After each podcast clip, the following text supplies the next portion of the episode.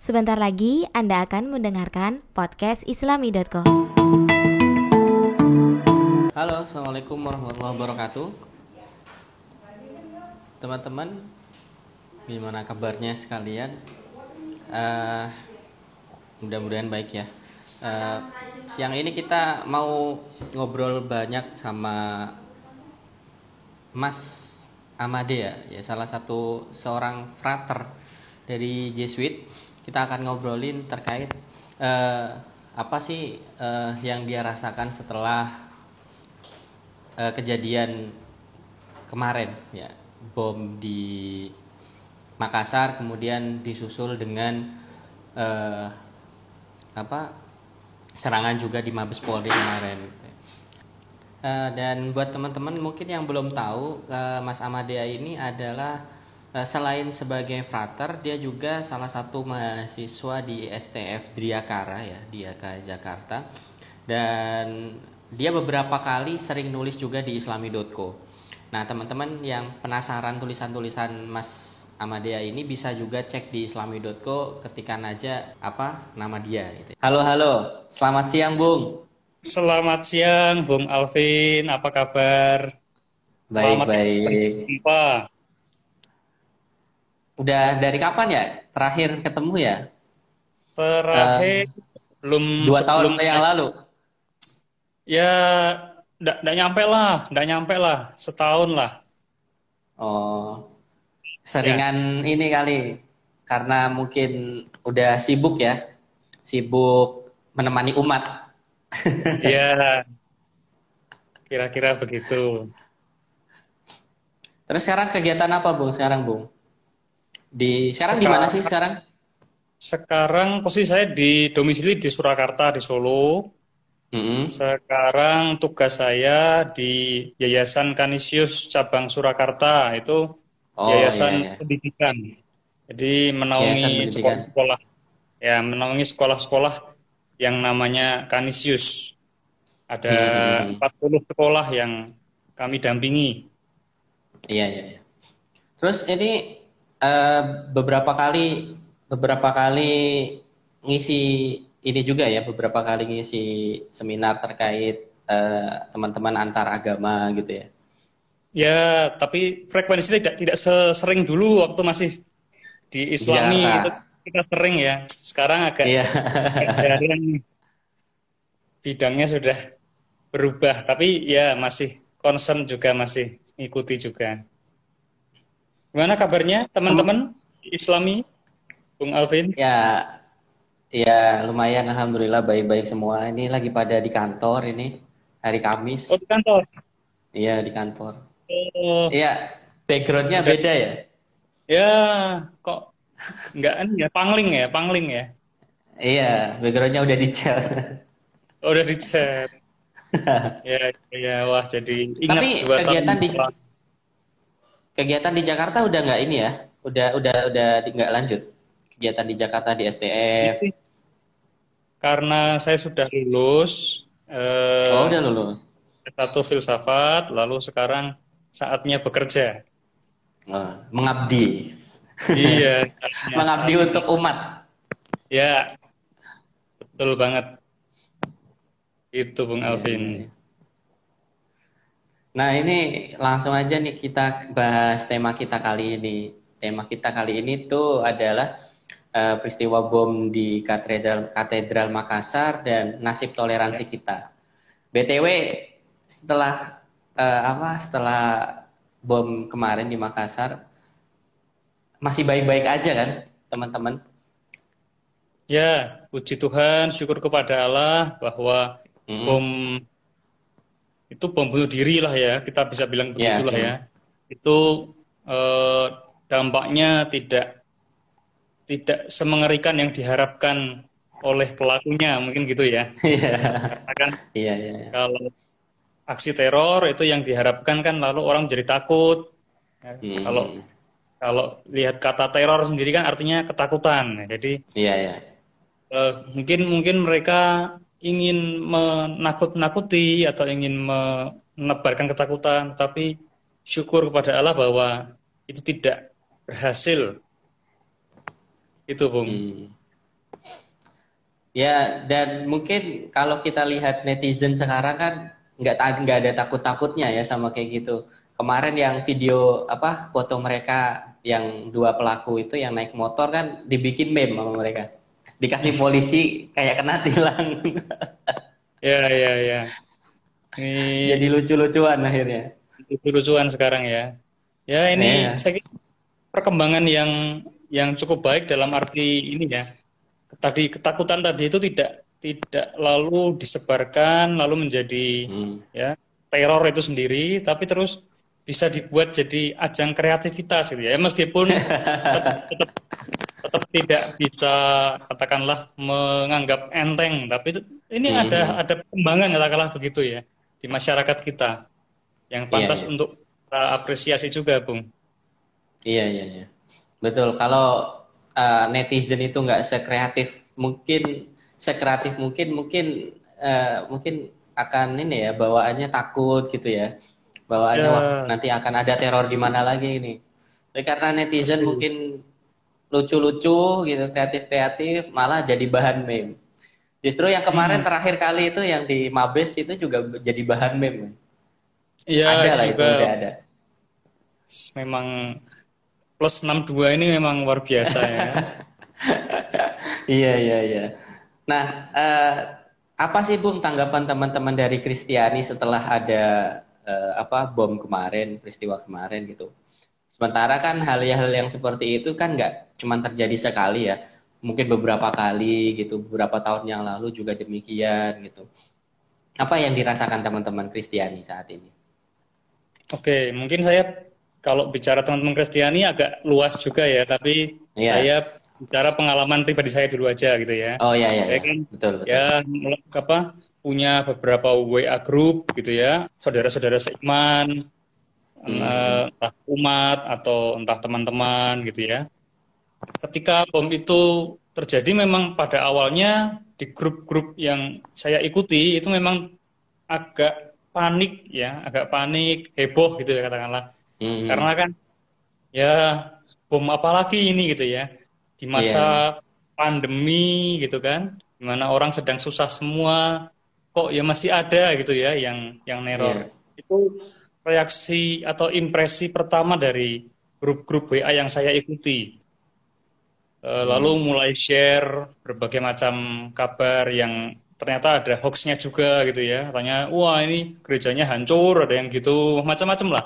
Ada banyak yeah. yang membuat hoax seperti itu lalu memang beredar di WA-WA grup itu. Tapi perlahan-lahan setelah mulai ada klarifikasi, ada konferensi pers, ada berita yang cukup terpercaya, dan akhirnya hmm. dari gereja Katolik sendiri di Indonesia yang diwakili oleh eh, Konferensi Wali Gereja Indonesia atau KWI itu mengeluarkan uh, sikap, mengeluarkan pernyataan lewat Komisi Hubungan Antar Agama yang intinya mengatakan bahwa kita semua prihatin, kita berduka, dan kita berdoa. Itu tiga ya. kata kunci yang menjadi apa ya katakanlah tanggapan resmi dari Gereja Katolik Indonesia. Itu Bung Alvin. Prihatin, berduka, berdoa. Ya. Iya, iya. Nah, lalu uh, sementara ini mungkin ada nggak masih ada nggak kekhawatiran dari teman-teman dari uh, Bung Ahmadiyah sendiri lah misalnya kekhawatiran uh, untuk misalnya melakukan uh, ibadah selanjutnya apalagi kan kemarin pas uh, waktu pengeboman itu kan salah satu hari penting ya, ya. salah satu uh, Kamis pen, apa hari penting dalam uh, apa menurut umat Kristiani apalagi besok juga ada hari penting juga gitu Nah, apa eh, eh, perasaan atau mungkin eh, ada kekhawatiran gitu bagi buat teman-teman Kristiani atau mungkin eh, Amadia sendiri? Saya kira kok kalau mengatakan kita dengan adanya peristiwa ini lalu wah tidak apa-apa gitu kok kayaknya juga terlalu naif ya. Pasti ada lah itu gitu ya. Karena ini kan terlalu ini sok kuat sok kuat. Terlalu kuat gitu ya. Ya saya kok merasa dari diri saya sendiri dan juga saudara-saudari Kristiani atau sebenarnya umat beragama apa pun itu pasti ada kekhawatiran karena eh, di saat atau di hari besar katakanlah gitu di hari raya hmm. itu terjadi peristiwa pengeboman tersebut gitu ya meskipun yeah. tadi seperti kita tahu semua bahwa tidak ada korban jiwa kecuali pelaku bom itu sendiri. Ini bahwa hmm. e, rasa khawatir itu tetap ada. Tapi yang ingin lebih kami lihat itu bukan kekhawatirannya, tetapi hmm. bahwa semua pihak itu ya bersatu padu bergandengan tangan untuk yeah. menangani untuk apa mengatasi persoalan ini gitu ya. Saya terharu yeah, juga ketika Menteri Agama kita Gus hmm. Yakut itu ya, berkunjung ke Makassar lalu bertemu dengan Bapak Uskup Agung Makassar lalu hmm. memberikan kata-kata yang sangat meneguhkan gitu ya. Kami bersama hmm. dengan umat Katolik, kami bersama dengan umat Kristiani, jangan takut gitu. Itu bagi saya lebih penting untuk disorot daripada kekhawatirannya. Kekhawatiran ada, tapi yeah. harapan itu lebih lebih ingin kita sorot bersama gitu, Bung. Hmm. Lalu uh, apa harapan teman-teman Kristiani, Bung, selama sampai saat ini untuk misalnya untuk ibadah besok, untuk ibadah hari ini dan besok misalnya, ada nggak uh, permintaan khusus ini buat pemerintah, buat uh, aparat-aparat terkait, terkait pengamanan dan yang lain-lain gitu? Apakah ada juga dari teman-teman organisasi yang lain yang mungkin sudah menyiapkan atau menawarkan diri untuk membantu melakukan penjagaan di di sekitar mungkin di sekitar daerah e, Bung Amadia sendiri gitu. Ya, kalau sejauh saya tahu karena memang saya juga tinggal di e, rumah yang ada hmm. atau satu kompleks dengan gereja di Purbayan ya. itu dari pemerintah Kota Surakarta sendiri lewat e, kepolisian itu juga hmm. sudah melakukan penjagaan yang ketat gitu sekarang ya sudah e, menerjunkan pasukan, menerjunkan aparat untuk menjaga keamanan dan situasi kondusif untuk untuk ibadah selama tiga hari hmm. ini Kamis Jumat Sabtu eh, empat Kamis Jumat Sabtu Minggu itu e, kami juga bersyukur karena e, pemerintah tanggap gitu ya tidak hanya sekedar hmm. apa namanya sikap tidak hanya sekedar pernyataan ya, tapi ya. sungguh sungguh ada tindakan konkret yaitu menerjunkan aparat keamanan untuk membantu kami dan juga misalnya di gereja Purbayan ini di Solo ini yang di mana saya tinggal itu ya mencoba untuk apa ya membuat eh, taktik tak eh, bukan taktik cara-cara supaya yang seperti itu bisa diminimalisir itu misalnya menggunakan pin atau menggunakan tanda pengenal jadi yang bukan hmm. atau yang tidak menggunakan Jemaah. itu tidak gitu jadi hmm. ini cara-cara yang mungkin sangat baik ya dan ini semua pihak berpangku tangan semua pihak bergandengan tangan itu sangat luar biasa bung dan ya, saya ya. yakin juga di tempat-tempat lain juga gitu saya ya. yakin juga di tempat lain juga begitu hmm. justru setelah adanya peristiwa kemarin uh, umat Kristiani semakin ini ya, semakin bersatu padu, saling menjaga satu sama yang lain gitu. Bukan cuma umat Kristiani saja, tapi juga teman-teman dari umat beragama yang lain juga ikut bantu, ikut menjaga bagaimana situasi kondusif dan teman-teman Kristiani bisa beribadah dengan lancar dan nyaman dan aman gitu ya. Ya, benar benar banget, Bung. Jadi juga dari hmm. teman-teman agama lain, dari teman-teman Muslim, dari teman-teman Protestan juga Hindu Buddha ada waktu itu juga ada sempat doa bersama gitu ya saya lihat ada satu meskipun hanya lewat zoom meeting gitu ya tapi mm-hmm. itu menunjukkan bahwa kita semua bergandengan tangan kita tidak takut gitu ya kita penuh pengharapan bahwa kondisi damai di Indonesia ini tetap bisa kita jaga gitu bung. Iya. Oke bung lalu uh, mungkin ke depannya bagaimana nih nasib uh, toleransi kita, bagaimana nasib hubungan antara teman-teman uh, yang uh, Kristiani dengan teman-teman Muslim, teman-teman Katolik, teman-teman Protestan, juga teman-teman Muslim gitu. Menurut uh, Bung Ahmadiyah sendiri, apakah ada nggak imbas dari uh, bom kemarin atau mungkin juga imbas dari beberapa hal yang lain lah? Dan karena itu mungkin juga yang kemarin kan bukan satu-satunya kejadian kan bagi teman-teman Kristiani beberapa kejadian juga sudah pernah dilalui gitu. Nah, setelah semua hal itu, bagaimana sekarang pandangan teman-teman Kristiani kepada uh, Muslim itu sekarang? Apakah teman-teman mulai jaga jarak atau memang uh, merasa bahwa ya itu kita sudah pernah melalui dan kita harus bisa belajar dari itu semua? Pandangan ya. Bung Ahmadiyah sendiri gimana? Saya kira kok kita sekarang kan semakin ini ya Bung ya, semakin kritis, kita semua hmm. semakin tahu informasi meskipun ada hoax gitu ya, meskipun ada kabar eh, kabar bohong gitu, tapi kita juga perlahan-lahan kok semakin melek gitu ya. Jadi tidak menggeneralisir. Ini adalah hmm. Katakanlah memang ini eh, dia menyangkutkan diri dengan teman-teman muslim gitu ya. Tapi kita tahu hmm. bahwa yang sejati Islam atau saudara-saudara kita Muslim tidak seperti itu. Hmm. Itu saya kira kalau kita semakin semakin sadar, kita semakin percaya itu gitu ya. Karena tadi ketika kita ada peristiwa teror teror seperti itu, ternyata saudara-saudara Muslim yang lain yang katakanlah lebih wajar gitu ya, lebih normal, hmm. itu mendukung gitu ya.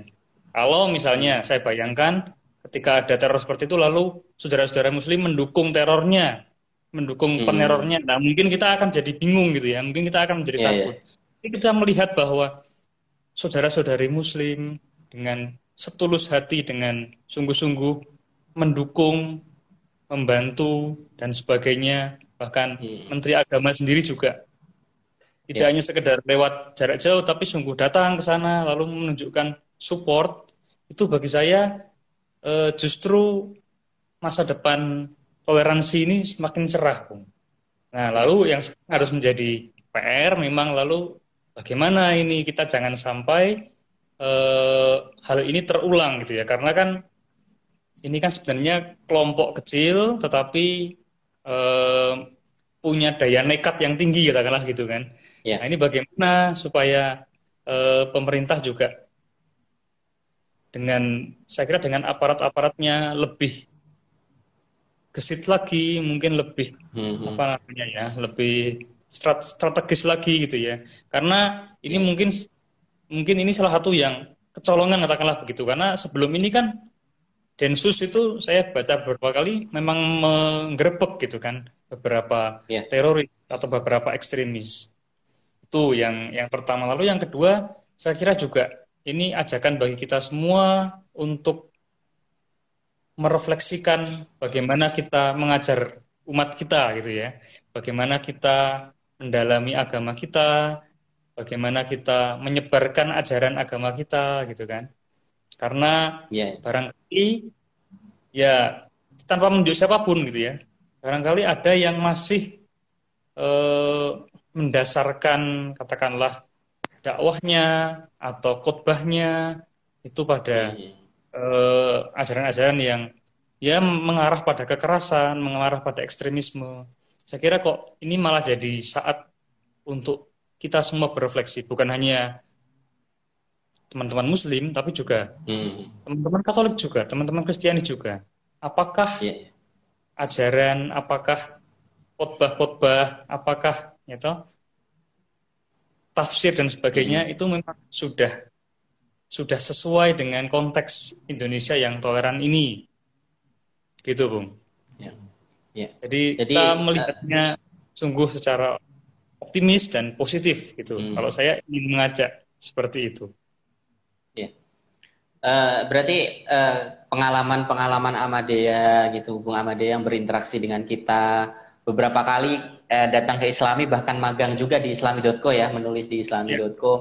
mungkin eh, Bung Ahmadiyah juga eh, merasakan bagaimana eh, hubungan kita hubungan teman-teman Muslim dengan teman-teman Muslim khususnya yang ada di Islami misalnya dengan teman dengan Bung Ahmadiyah sendiri gitu kita kan seperti nggak ada jarak gitu ya seperti saudara biasa tidak ada sama sekali keinginan untuk memusuhi dan lain sebagainya dan itu juga perlu mungkin eh, Bung Amadea mungkin juga perlu cerita-cerita itu juga kepada teman-teman uh, berbagi gitu ya, berbagi pengalaman uh, Bung Amadea kepada teman-teman Kristiani yang lain bahwa uh, hanya ada sebagian orang yang berlaku demikian dan itu sama sekali berbeda dengan kebanyakan muslim pada umumnya gitu ya. Dan juga mungkin ini juga bisa menjadi salah satu momen e, merajut kembali toleransi kita, memperkuat toleransi kita gitu ya. Sebagai ibaratnya sebagai ujian lah, ujian dari toleransi kita. Kalau kita bisa lulus ya syukur gitu kita bisa melanjutkan toleransi dengan baik justru ketika pada saat seperti ini kita tidak bisa lulus bahkan menuduh hal yang macam-macam itu mungkin uh, merupakan tanda tanya gitu ya. dan itu juga mungkin menurut Bung Ahmadiyah ketika ada hal yang seperti itu misalnya ada orang beberapa orang yang menganggap bahwa kejadian bom eh, pengeboman gitu ya terorisme di gereja katedral Makassar kemarin misalnya ketika dianggap sebagai konspirasi misalnya dianggap untuk e, mengalihkan isu dan yang lain sebagainya menurut Bung Ahmadiyah sendiri bagaimana? Uh... layak nggak sih ya kejadian-kejadian seperti itu dianggap sebagai pengalihan isu padahal uh, padahal korbannya itu jelas ada walaupun itu mereka uh, terorisnya sendiri ya dua orang tetapi itu kan nyawa gitu ya, ya. dan juga kerugian-kerugian yang lain Ya, kalau tanggapan saya gini sih, Bung Alvin. Eh, kayaknya semua kejadian, semua apa momen gitu ya, itu bisa lah dibuat konspirasi katakanlah begitu ya. ya. Dan ini bukan yang pertama katakanlah setiap ada momen pasti ada gitu ya yang menafsirkan demikian. Saya kira kok eh, kita sulit juga untuk membendung gitu ya. Ini ya. mungkin saya anggap sebagai ya itu hak mereka lah yang mengatakan ini konspirasi dan sebagainya. Dengan bukti-bukti, dengan data-data yang tidak tahu apakah itu benar apa tidak. Tapi bahwa eh, yang ingin saya lihat bukan itu karena kalau itu kan nanti kita jatuh pada apa ya mengomentari hal-hal yang ya mungkin juga termasuk hoax juga gitu kan. Hmm. Kita kalau itu kita tanggapi justru nanti kita semakin terjerumus gitu ya kita semakin bingung harus berbuat apa tapi bahwa ya ini yang yang tadi yang kita ingin apresiasi bersama yang ingin kita tonjolkan bersama adalah betapa solidaritas betapa toleransi betapa saling menghargai antar umat beragama di Indonesia hmm. itu masih kuat dan akan semakin kuat ke depannya bahwa ya, saya amin, sendiri, amin. saya sendiri juga belum tahu nih konspirasi apa gitu ya. Saya juga belum baca-baca konspirasi apa lagi nih, tapi itu sesuatu yang ya di dalam demokrasi saya kira hak setiap orang untuk beropini gitu ya Bung ya. Yeah. Ya kalau kita tanya apakah ini pantas atau tidak, tentu saja itu pertanyaan lain karena kan kadang-kadang apa yang terjadi di demokrasi ini muatan moralnya itu kadang-kadang sudah dilepas gitu ya sehingga ya pokoknya bebas gitu kan bebas mau berpendapat apakah ini etis apakah ini moral apakah ini sesuai dengan perasaan masyarakat itu kayaknya nggak begitu penting. Ya sudah itu memang ekses dari demokrasi. Ya Ya, yang penting sebenarnya dari demokrasi dan kebebasan itu kebebasan yang dimiliki oleh individu itu tidak bertentangan atau tidak uh, tidak membatasi atau tidak melawan kebebasan orang lain misalnya. Itu yang paling ya, penting yang perlu kita tekankan ya, sama-sama. Uh, saya jadi ingat kuliah di STF itu ya kuliah filsafat politik gitu. Jadi apa ya. sih yang bisa membatasi kebebasan orang? Itu uh, seorang ilmuwan Inggris namanya John Stuart Mill. Pasti teman-teman tahu lah ya. Orang hmm. pemikir utilitarianisme dia mengatakan bahwa ada dua prinsip yang tidak boleh dilanggar yang pertama adalah prinsip kebebasan bahwa manusia itu lahir bebas dan kebebasan itu adalah hak asasi gitu kan dan yang kedua adalah prinsip cedera gitu. Jadi jangan sampai kebebasan itu mencederai orang lain. Mencederai bisa dalam arti fisik atau dalam arti non fisik gitu ya. Termasuk kalau yang fisik itu saja ya seperti bom ini ini jelas. Ini sesuatu hmm. yang melanggar kebebasan orang lain melanggar apa hak untuk tidak dicederai katakanlah begitu. Tapi juga yang sifatnya non fisik yaitu rasa aman, rasa apa namanya bisa untuk mengembangkan diri dan sebagainya itu pun juga termasuk uh, aspek yang perlu dijaga agar jangan sampai tercederai. Itu jadi jadi ingat kuliah filsafat saya yang Lah kapan balik lagi ke Jakarta nih? Ada rencana main-main ke Jakarta lagi nggak? Oh, karena ini masih masa pandemi ya toh. Saya belum dapat hmm. vaksin gitu ya. Jadi ya nantilah. kemarin yang yang vaksin untuk uh, tokoh-tokoh agama nggak ini nggak daftar? Nah ini mungkin karena mungkin masih terlalu muda gitu ya, jadi nggak dianggap gitu. Jadi mungkin kelewatan nama saya. Nah, untuk uh, karir karir uh, Bung Ahmadiyah gimana sendiri? Sendiri gimana? Bung karir misalnya.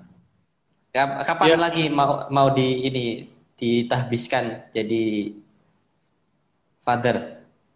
Wah, kalau itu mungkin masih sekitar 5 sampai 6 tahun lagi, Bung Alvin. Jadi hmm.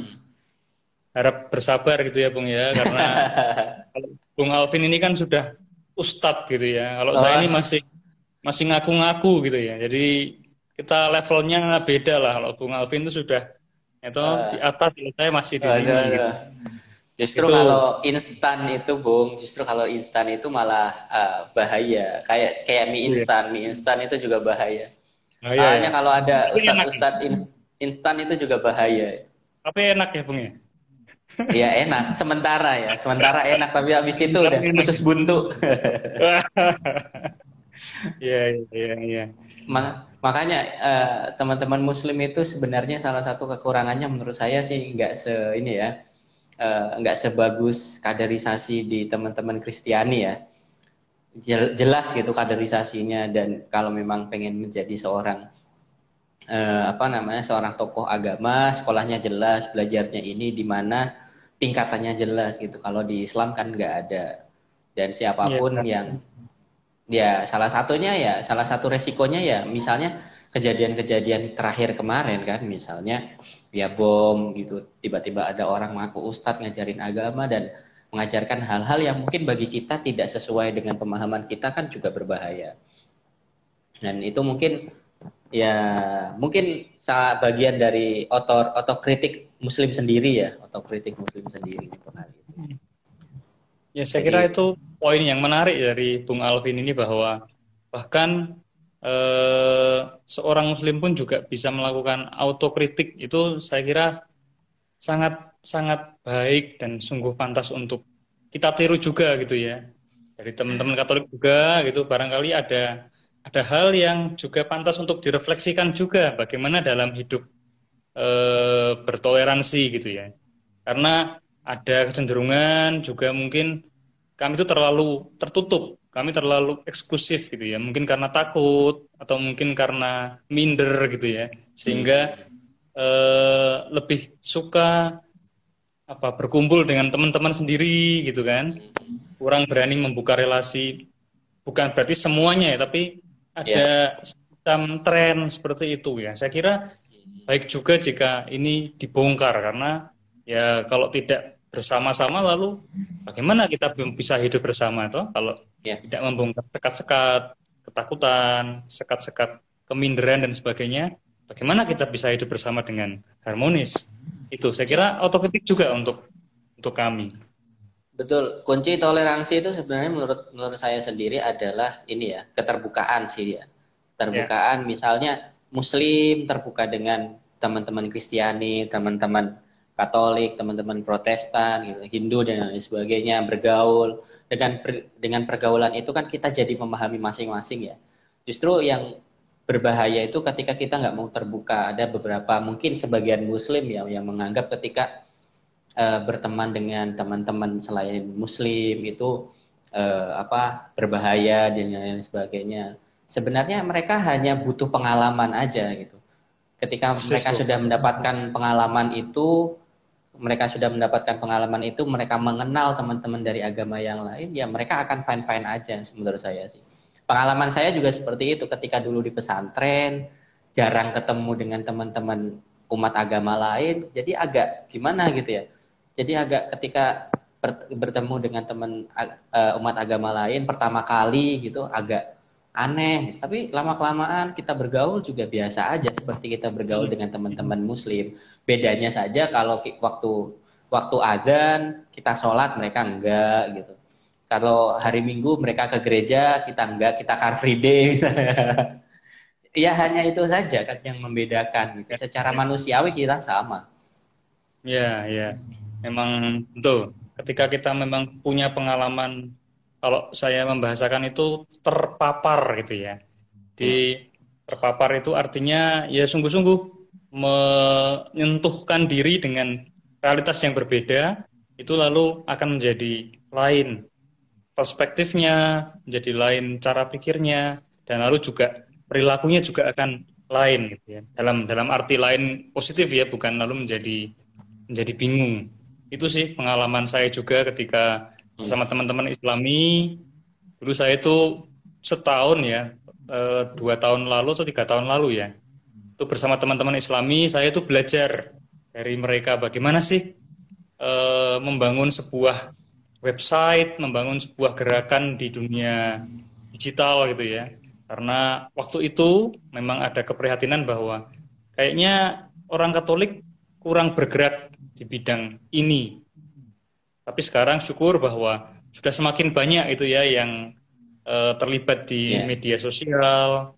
Kalau uh, yang paling fenomenal kan itu Katolik garis lucu itu ya. Katolik garis lucu ya. ya. KGL itu yang memang lucu beneran gitu kan. Yeah. Dan yang lain-lain juga ternyata sekarang banyak. Ya, foundernya sering main PS sama kita, Bu. Nah, itu dia. itu dia yang yang ngeri kan itu. Ya, tapi kita tidak menutup mata bahwa ada teman-teman yang baik teman-teman Katolik, baik teman-teman Muslim juga karena mungkin jarang bergaul dengan uh, apa kelompok yang berbeda, jadi mereka uh, apa berstigma terlebih dahulu gitu ya, memiliki stigma terlebih dahulu terhadap umat agama yang lain. Bagi saya itu hanya bisa uh, menurut saya kita juga tidak apa ya bahasanya tidak tidak perlu menghujat mereka, kita hanya perlu mengajak mereka sebenarnya, mengajak yuk yeah. kita ketemuan sama teman-teman dari umat agama lain, kita kumpul, ngopi lah bahasanya gitu ya. Ngopi hmm. sama biar biar pikiran mereka terbuka gitu.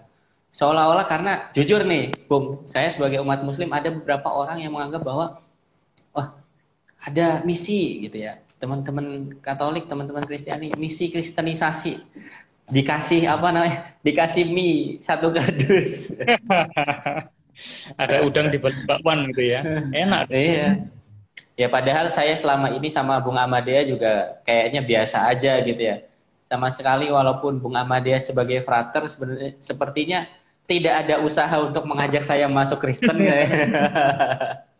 Oh saya saya sendiri masih ya apa terus menerus belajar bagaimana so, menjadi Katolik yang baik gitu ya. Apalagi kalau iya. narik-narik orang itu nah, malah sesat gitu ya. Narik-narik orang malah orangnya malah ini ya nanti menyesatkan malah. Iya makanya. Ya, oh ya, ya, saya ingin satu pertanyaan Bung Alvin. Ya boleh boleh. Kan teman-teman Islami secara khusus atau secara secara besar lagi Nahdlatul Ulama gitu ya. Teman-teman NU saya sangat kagum gitu ya, bagaimana mereka berjuang, bagaimana kalian semua itu berjuang untuk toleransi, untuk solidaritas, untuk persatuan dalam keragaman itu saya sungguh-sungguh kagum. Mengapa? Karena sebenarnya kalau teman-teman tidak melakukan itu pun sebenarnya nggak masalah, Wong. Teman-teman yeah, iya. mayoritas, yeah. kan?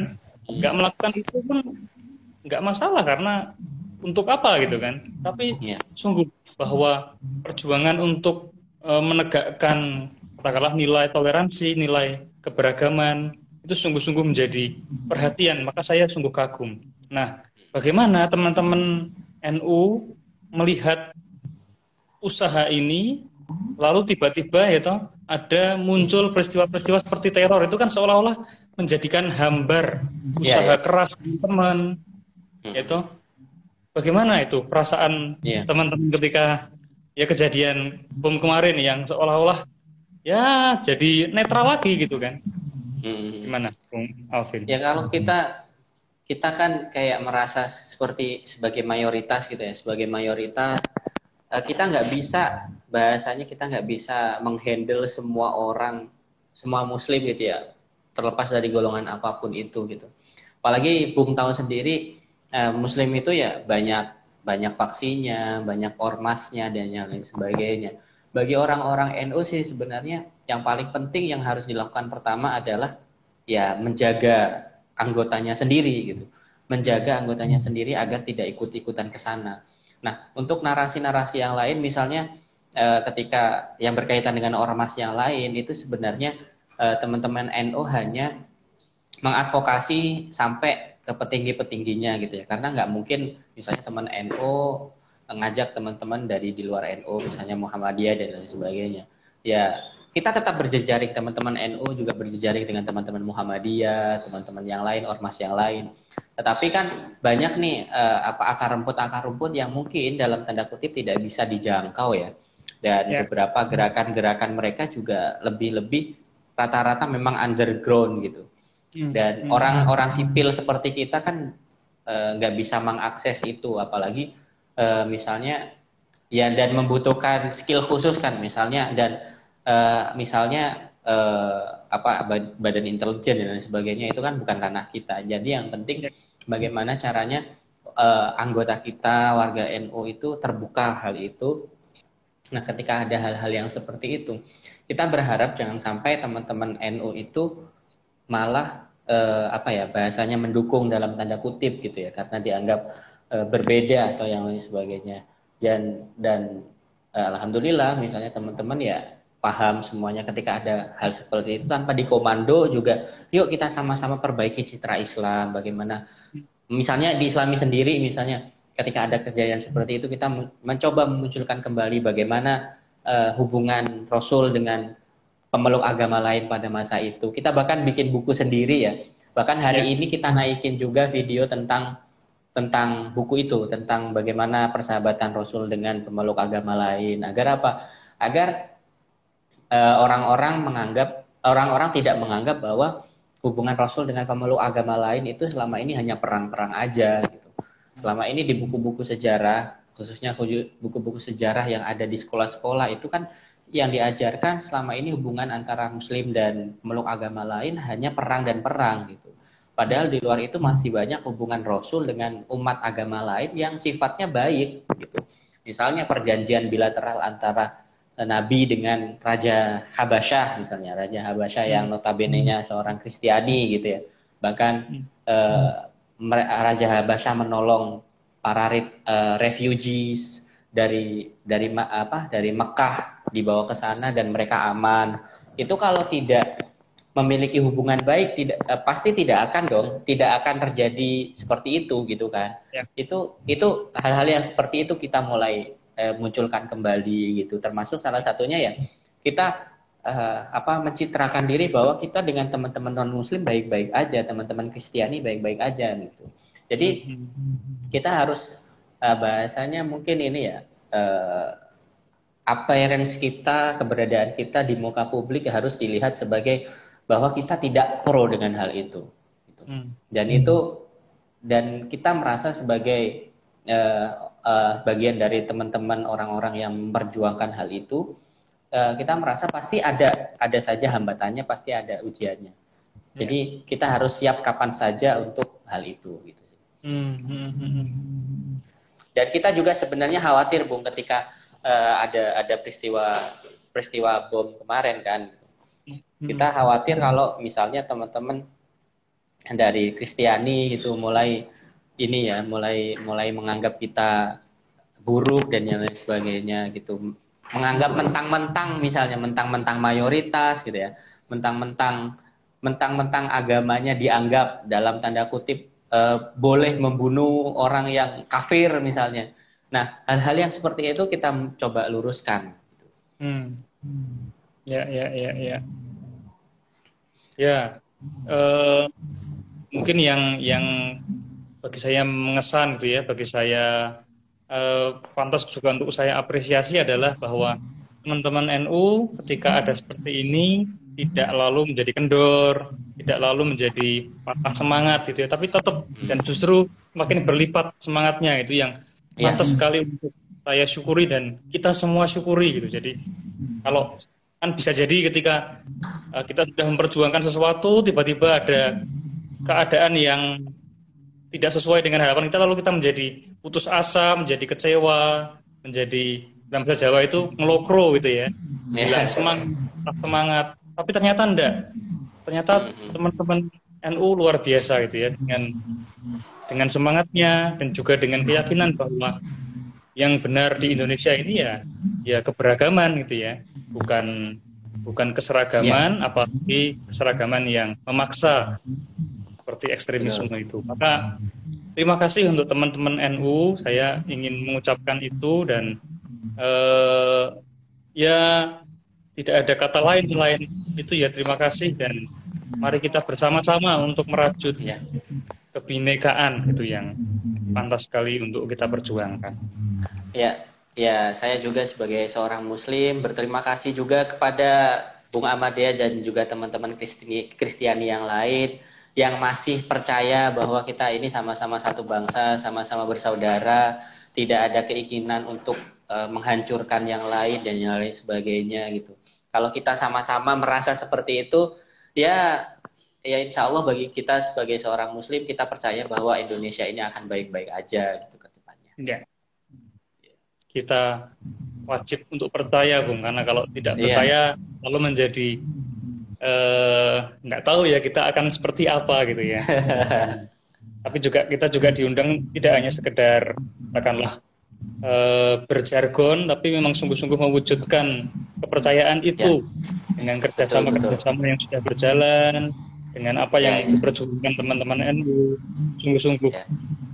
pantas untuk kita ya. perjuangkan. Ya. Saya jadi merinding ini. ya, semoga kita bisa tetap berjuang bersama, berjalan bersama gitu untuk kebinekaan kita. Terima kasih Bung Ahmadiyah udah mau gabung lagi di Islami. Kapan-kapan oh, ditunggu lagi kedatangannya. Terima ya. kasih, terima kasih banyak. Nanti kalau ke Solo tolong kabar-kabari gitu ya. Kemarin saya lihat siap, siap. Mas virus itu tiba-tiba kok ke Solo nggak ngomong-ngomong ini apa-apaan oh, gitu. Oh iya iya iya. Ya, kalau ke Solo. Pak Virus soalnya di Salatiga sekarang. Jadi Salatiga, lebih dekat ya? kalau ke Solo kalau mau ada acara apa-apa bisa dihubungin dosen aja. Di? Dosen di? Salatiga, dosen IAIN ini IAIN. Salatiga. Salatiga. Oh. Iya, iya. Mantap yeah, memang. Nanti kalau ada apa-apa mau main ke Salatiga dihubungin aja atau mungkin ada acara apa buat uh, sama teman-teman yang lain kan bisa ngajak teman-teman Gus Durian juga. Virus kan yeah, Gus Durian yeah. juga. Oke, okay, oke. Okay. Terima kasih Bung Alvin juga kalau jalan-jalan ke Solo. Iya, siap, siap. Main Mas Dedi. Mbak... Ya nanti kalau pandeminya sudah mereda, kita mereda, ya.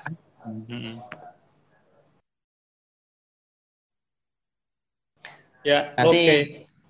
berkabar saja. Dan ditunggu juga mainnya ya. ke Jakarta lagi. Ya, Mas tak agendakan, Bung. Ya, ya, ya. Ya udah, Bung. Assalamualaikum. Kalibata kan? Iya. Iya. Waalaikumsalam. Ya. Salam sehat. Tetap ya, semangat. Amin, amin. Tuhan memberkati. Ya. Amin. Selamat siang. Selamat Dan siang. semoga sehat selalu. Amin. Ya, ditunggu ke Jakartanya. Oke. Yang sebelum ke Jakarta mungkin ini ya, tulisannya lagi ditunggu lagi. Kalau masih sempat nulis. Ya, ya, ya. ya, ya. Mudah-mudahan di sela-sela ini kepusingan-kepusingan saya ini. Ya, bisa refreshing sambil nulis kan. Di tengah-tengah ibadah, di tengah-tengah eh, apa namanya ditunggu umat gitu ya, di tengah-tengah aktivitas bersama umat disisipkan waktu lah untuk menulis. Demi umat juga lah. Demi umat juga betul. Oke terima baik, kasih. baik. ya Sampai semoga lancar lagi. ibadahnya buat sore ini dan besok ya. Sore ini Mohon malam dan besok semoga lancar dan semoga teman-teman aman-aman aja. Kami sampai minggu ya? Ya ya Mohon semoga doanya. amin amin amin. Selalu mendoakan kita sama-sama mendoakan Baik, baik, baik. Makasih ya. Sampai Mari. jumpa kembali. Sampai jumpa. Ya. Terima kasih teman-teman yang juga sudah ikut gabung. Semoga uh, yang kita obrolin pada siang hari ini bermanfaat semuanya ya. Dan jangan lupa untuk terus berdoa dan berjuang untuk kebinekaan kita. Begitu. Terima kasih. Wassalamualaikum warahmatullahi wabarakatuh.